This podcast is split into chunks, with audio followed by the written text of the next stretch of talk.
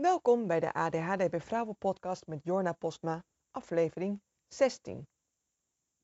In deze aflevering neem ik je mee in de wonderwereld van ADHD in combinatie met vermoeidheid. Voor mensen die niet bekend zijn met ADHD bij vrouwen is dit best wel een tegenstelling.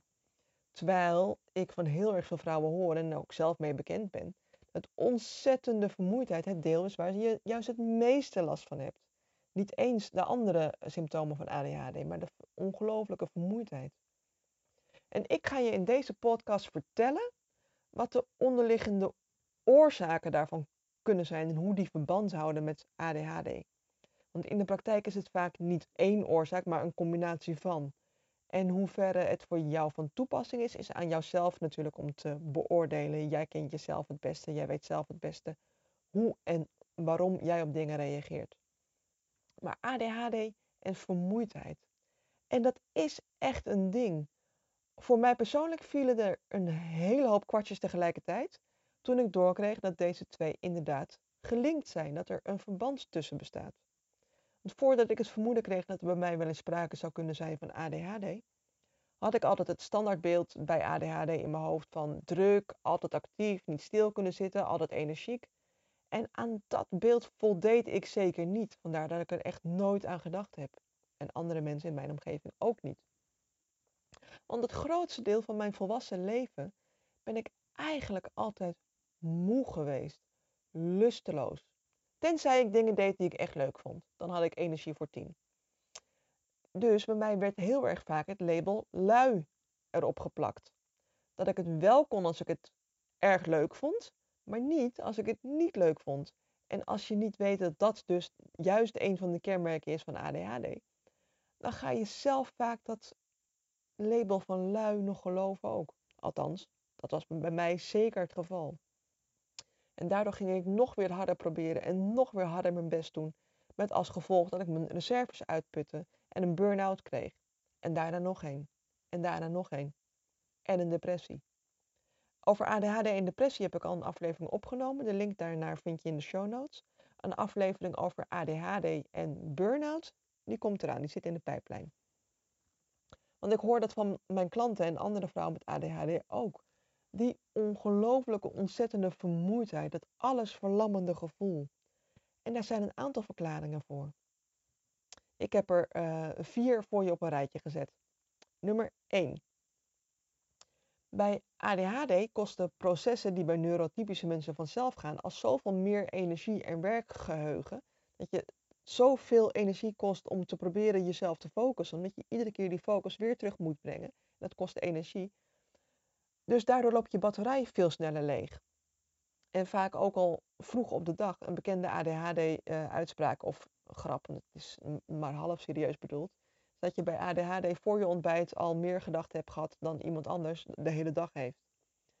En als je weet dat je brein ongeveer 20% van je totale energie verbruikt, dan weet je dat die mentale processen dat niet efficiënt gebruiken van je werkgeheugen, want dat is het eigenlijk, dat dat dus echt een stevige aanslag is op je energieniveau. En wat kun je hier nou aan doen? Wat je hier aan kunt doen is zorgen voor goede en stevige routines, waardoor je er niet meer over na hoeft te denken, waardoor het daardoor vanzelf gaat en minder energie kost. niet voor niks is dit de basis van mijn, van mijn eh, online programma. Het is een van mijn vijf stappen. Eén van de beste routines in mijn ogen is het gebruiken, het leren bijhouden van een bullet journal. Want als je leert om een bullet journal te gebruiken, als dat routine is, dan heb je de basis voor alle andere routines al gelegd. Want als het in je bullet journal staat, dan gebeurt het. Dan hoef je er niet meer over na te denken. Je hebt het werkgeheugen in je brein vrijgemaakt en geoutsourced naar je bullet journal eigenlijk. Ik noem mijn bullet journal ook wel mijn externe geheugen. En speciaal hiervoor, om dat uh, uit te leggen hoe dat eenvoudig in zijn werk gaat, heb ik een gratis mini-cursus, Bullet Journal bij ADHD. Link daarna staat in de show notes, als je deze ook wilt doen. Niks ingewikkelds, je krijgt de video's en opdrachten gewoon in je inbox. Maar de bullet journal dus, dan heb je een extern geheugen waardoor je het niet meer in je hoofd hoeft te houden en het minder energie kost. Nummer twee, uh, waarom ADHD'ers vaak vermoeid zijn, dat zijn slaapproblemen. Bij ADHD zijn inslapen en doorslaapmoeilijkheden een bekend verschijnsel. En een goede nachtrust is essentieel voor je energieniveau. Zoveel is duidelijk. Als je niet voldoende slaapt, en dat is ook als je chronisch niet voldoende slaapt, dan wordt het echt allemaal moeilijker. Want wat het is met slaap, je kan één nacht niet slapen, maar als je de nacht daarna wel weer gewoon acht uur uh, slaapt, dan heb je dat, die ene nacht niet slapen of die ene nacht te weinig geslapen nog niet ingehaald. Dat, dat tekort, dat, dat blijf je meenemen in de volgende dagen. Dus dat moet je op een gegeven moment bij gaan houden. Maar als je chronisch niet voldoende slaapt, dan wordt het leven gewoon moeilijker. Je hele leven voelt moeilijker en zwaarder. En daardoor ook donkerder en negatiever. En dan neemt die alles verlammende vermoeidheid, die neemt dan je dag over. Maar wat kun je eraan doen? Ja, zorgen dat je genoeg slaapt. Ja, de. Dat is lekker makkelijk gezegd. Maar hoe doe je dat dan? En dat kun je doen door te zorgen voor een goede slaaphygiëne. Dat betekent niet dat je elke avond fris gewassen je bedje instapt. Dat het dan wel goed komt. Met een slaaphygiëne wordt bedoeld eh, alles wat je doet voordat je naar bed gaat. Wat kan bijdragen aan makkelijker in slaap vallen en in slaap blijven. Of eigenlijk meer gezegd, alles wat je doet voordat je gaat slapen. Want als je wel in bed ligt en nog televisie gaat liggen kijken, is dat niet bevorderlijk voor, je, voor een goede slaaphygiëne. Maar bijvoorbeeld ook, uh, waarin stop je met het drinken van cafeïnehoudende dranken? Ik heb gemerkt dat als ik na tweeën nog iets drink waar veel cafeïne in zit, dus koffie of uh, frisdranken met uh, cafeïne, thee kan ik wel langer doordrinken, um, dat ik dan moeilijker in slaap kom. Dus ik doe dat niet meer. Dus na, voor, voor tweeën drink ik koffie, daarna niet meer. En voor twee is mijn koffieinname ook al beperkt. Het is dus niet altijd alles wat je doet vlak voordat je gaat slapen, maar de acties die je de hele dag door doet, hebben ook invloed op deze slaaphygiëne. Bijvoorbeeld, uh, nog een voorbeeld van wat je overdag kunt doen om beter in slaap te kunnen vallen, is lichaamsbeweging. Als je overdag flink, flinke lichaamsbeweging hebt, helpt dat om s'avonds beter in slaap te vallen. Aan de andere kant, als je de lichaamsbeweging s'avonds doet, heeft dat weer een tegengesteld effect op het sneller in slaap vallen. Dan val je weer moeilijker in slaap, omdat je dan meer uh, aanstaat. Je hebt je brein geactiveerd. Uh, hoe dat werkt precies met, met een goede slaaphygiëne, daar kan ik echt nog heel veel meer over, vertellen. Daar is zo ontzettend veel over te vertellen dat uh, het in deze podcast te veel is. Maar ik heb het nu neergezet in mijn bullet journal dat ik er een andere podcast op terugkom. Slaaphygiëne, je kunt er natuurlijk ook zelf op koekelen. Nu de derde mogelijke verklaring en dat is onderpri onderprikkeling. Ik heb hier al een keer een aflevering over opgenomen hoe je onderprikkeling kan voorkomen. En de link hiernaar staat in de show notes. Want overprikkeling kennen we eigenlijk allemaal wel. Onderprikkeling is een wat minder wijdverspreid fenomeen. Terwijl je het ongetwijfeld wel herkent als ik het uitleg. Wat ik in het begin al vertelde, dat ik altijd heel erg moe en lusteloos was, tenzij ik iets deed wat ik heel erg leuk vond. Dat is eigenlijk een staat van onderprikkeling in het vermoeide en lusteloze. Onze ADHD-brein maakt van nature al minder dopamine en noradrenaline aan, moeilijk woord, dan uh, bij neurotypische mensen het geval is. En dopamine heb je nodig voor je gevoel voor motivatie om iets te gaan doen, om aan de slag te gaan. En je kunt je voorstellen stellen dat als je dat minder aanmaakt, dat het dan veel moeilijker is om ook daadwerkelijk te gaan doen. En dat is het deel van het ADHD, waarbij het advies, je moet het gewoon doen, wat je heel erg vaak krijgt, uh, waardoor het moeilijker is. Dat gewoon doen is bij ADHD niet, niet zo gewoon. En dat komt dus hierdoor. Je hebt er gewoon echt te weinig motivatie voor. En dat is geen luiheid. Dat is een gebrek aan dopamine. Tenzij het iets is dat je wel leuk vindt, dan maak je wel gewoon genoeg dopamine aan. Dopamine is ook gelinkt aan je beloningssysteem in je hersenen. En als je iets doet wat je leuk vindt, dan beloon je jezelf eigenlijk. En dan heb je wel de motivatie om door te gaan. Als het iets is dat je niet zo leuk vindt, of saai, voelt het soms echt als verlammend, omdat het je gewoonweg niet lukt om aan de gang te gaan. Die vermoeidheid komt omdat het iets doen wat je echt niet leuk vindt, jou ontzettend veel energie kost. Je verbruikt dan veel meer energie dan iemand die geen ADHD heeft. Dan hoef je het nog niet eens te doen. De drempel om eraan te beginnen is al te veel. Omdat je je zo moe voelt, is de verleiding groot om meer rust te nemen, want je voelt je tenslotte moe. En hierdoor hou je eigenlijk de onderprikkeling in stand. Want door niks te doen en te rusten, maak je nog steeds geen, geen dopamine aan. Je wordt nog steeds niet geprikkeld om iets te gaan doen. Waardoor je je nog vermoeider en lustelozer gaat voelen. Je houdt in feite je eigen vermoeidheid in stand. Maar wat doe je er nou aan? Door als je weet dat je dingen moet doen, dat je dan eerst iets doet wat je leuk vindt, waardoor je dopamine aanmaakt en dan aan de saaie taak begint. Of wat ik ook vaak doe, is de taken combineren. Uh, het huishouden doe ik bijvoorbeeld vaak met een koptelefoon op, met een interessante podcast. Dat is ook een tip voor als je naar deze podcast luistert, om ondertussen iets te doen wat je niet zo heel erg leuk vindt. Want op die manier is mijn brein, dat die saaie taak niet wil doen, al bezig met iets wat hij wel leuk vindt, waardoor hij me niet kan afleiden. Waardoor ik meer focus heb voor die saaie taak. Dat ik niet word afgeleid door mijn eigen brein. En daardoor kan ik die saaie taak afmaken in minder tijd. En ik zak dus niet na twee uur volledig uitgeblust op de bank, terwijl mijn huis een grotere puinhoop is dan daarvoor, omdat ik nu alleen maar onafgemaakte taken heb. En ook in dit stukje gebruik ik dan weer mijn bullet journal, zodat, zodat ik weet welke saaie taken ik vandaag moet doen. En niet ter plekke zelf iets moet gaan verzinnen, want dan weet ik het gewoon niet. Maar dat terzijde, de bullet journal. Uh, het vierde punt waardoor je uh, vermoeid kan zijn met ADHD, is dan weer de andere kant hiervan, overprikkeling.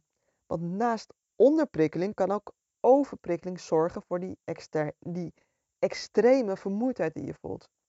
En deze heb je vaak wel in de gaten dat het dit is. Dat door te veel prikkels de hele dag door, veel mensen in je omgeving, veel geluiden, veel indrukken, veel van alles, dat je dan overprikkeld raakt. Wat zich ook kan uiten in extreme vermoeidheid. Dat als je thuis komt van je werk, dat je op bent en niks meer kan hebben van je partner of je kinderen. En als ik het zover laat komen dat ik echt overprikkeld raak, dan is er bij mij ook meteen instant ontploffingsgevaar. Dan is mijn lontje uh, niet zomaar kort, dan is hij super kort. En dan ga ik echt van 0 tot 100 in, in een milliseconde. Dan hebben de mensen aan het andere einde van dat lontje uh, echt niet verdiend. Dat is namelijk iets wat in mij zit, omdat ik mijzelf heb overprikkeld. Dat ik dat, dat, dat, dat heb laten gebeuren. En deze vorm van vermoeidheid uit zich wel anders dan uh, waar ik het bij onderprikkeling over had. Het lusteloze en het lamlendige wat je voelt bij onderprikkeling. Dat heb je niet bij overprikkeling. Bij overprikkeling heb je meer dat je je voelt als een gespannen veer, als een, een uh, ballon die te ver is opgeblazen. En je bent moe en kapot, maar ontspannen lukt niet. En heel erg vaak kun je dit ook in je lijf voelen. Uh, dat je stijve spieren hebt, of je schouders hoog hebt opgetrokken, of je gezicht en je kaak gespannen aanvoelen. Overprikkeling is ook te voorkomen, namelijk door ervoor te zorgen dat je over de dag verspreid meerdere momenten hebt om op te laden, om die prikkels die je hebt opgedaan, om die te verwerken, om die eruit te laten.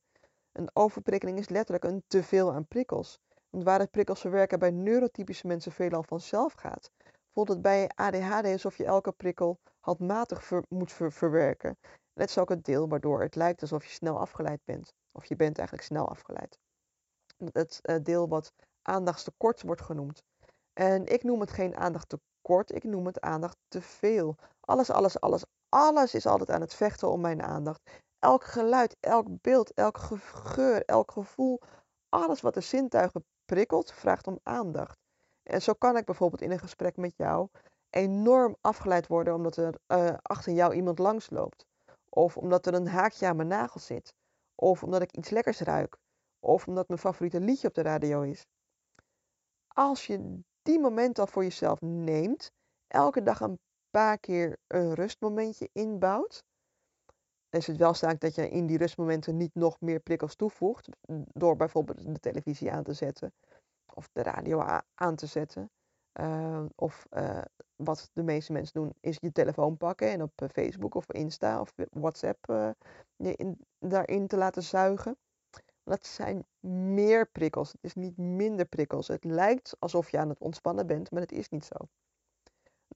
Op dit stuk, wat mij hier heel erg heeft geholpen, is uh, mediteren. En dan ook simpele ademhalingsoefeningen die je kan doen op het moment dat ik voel dat het te veel gaat worden.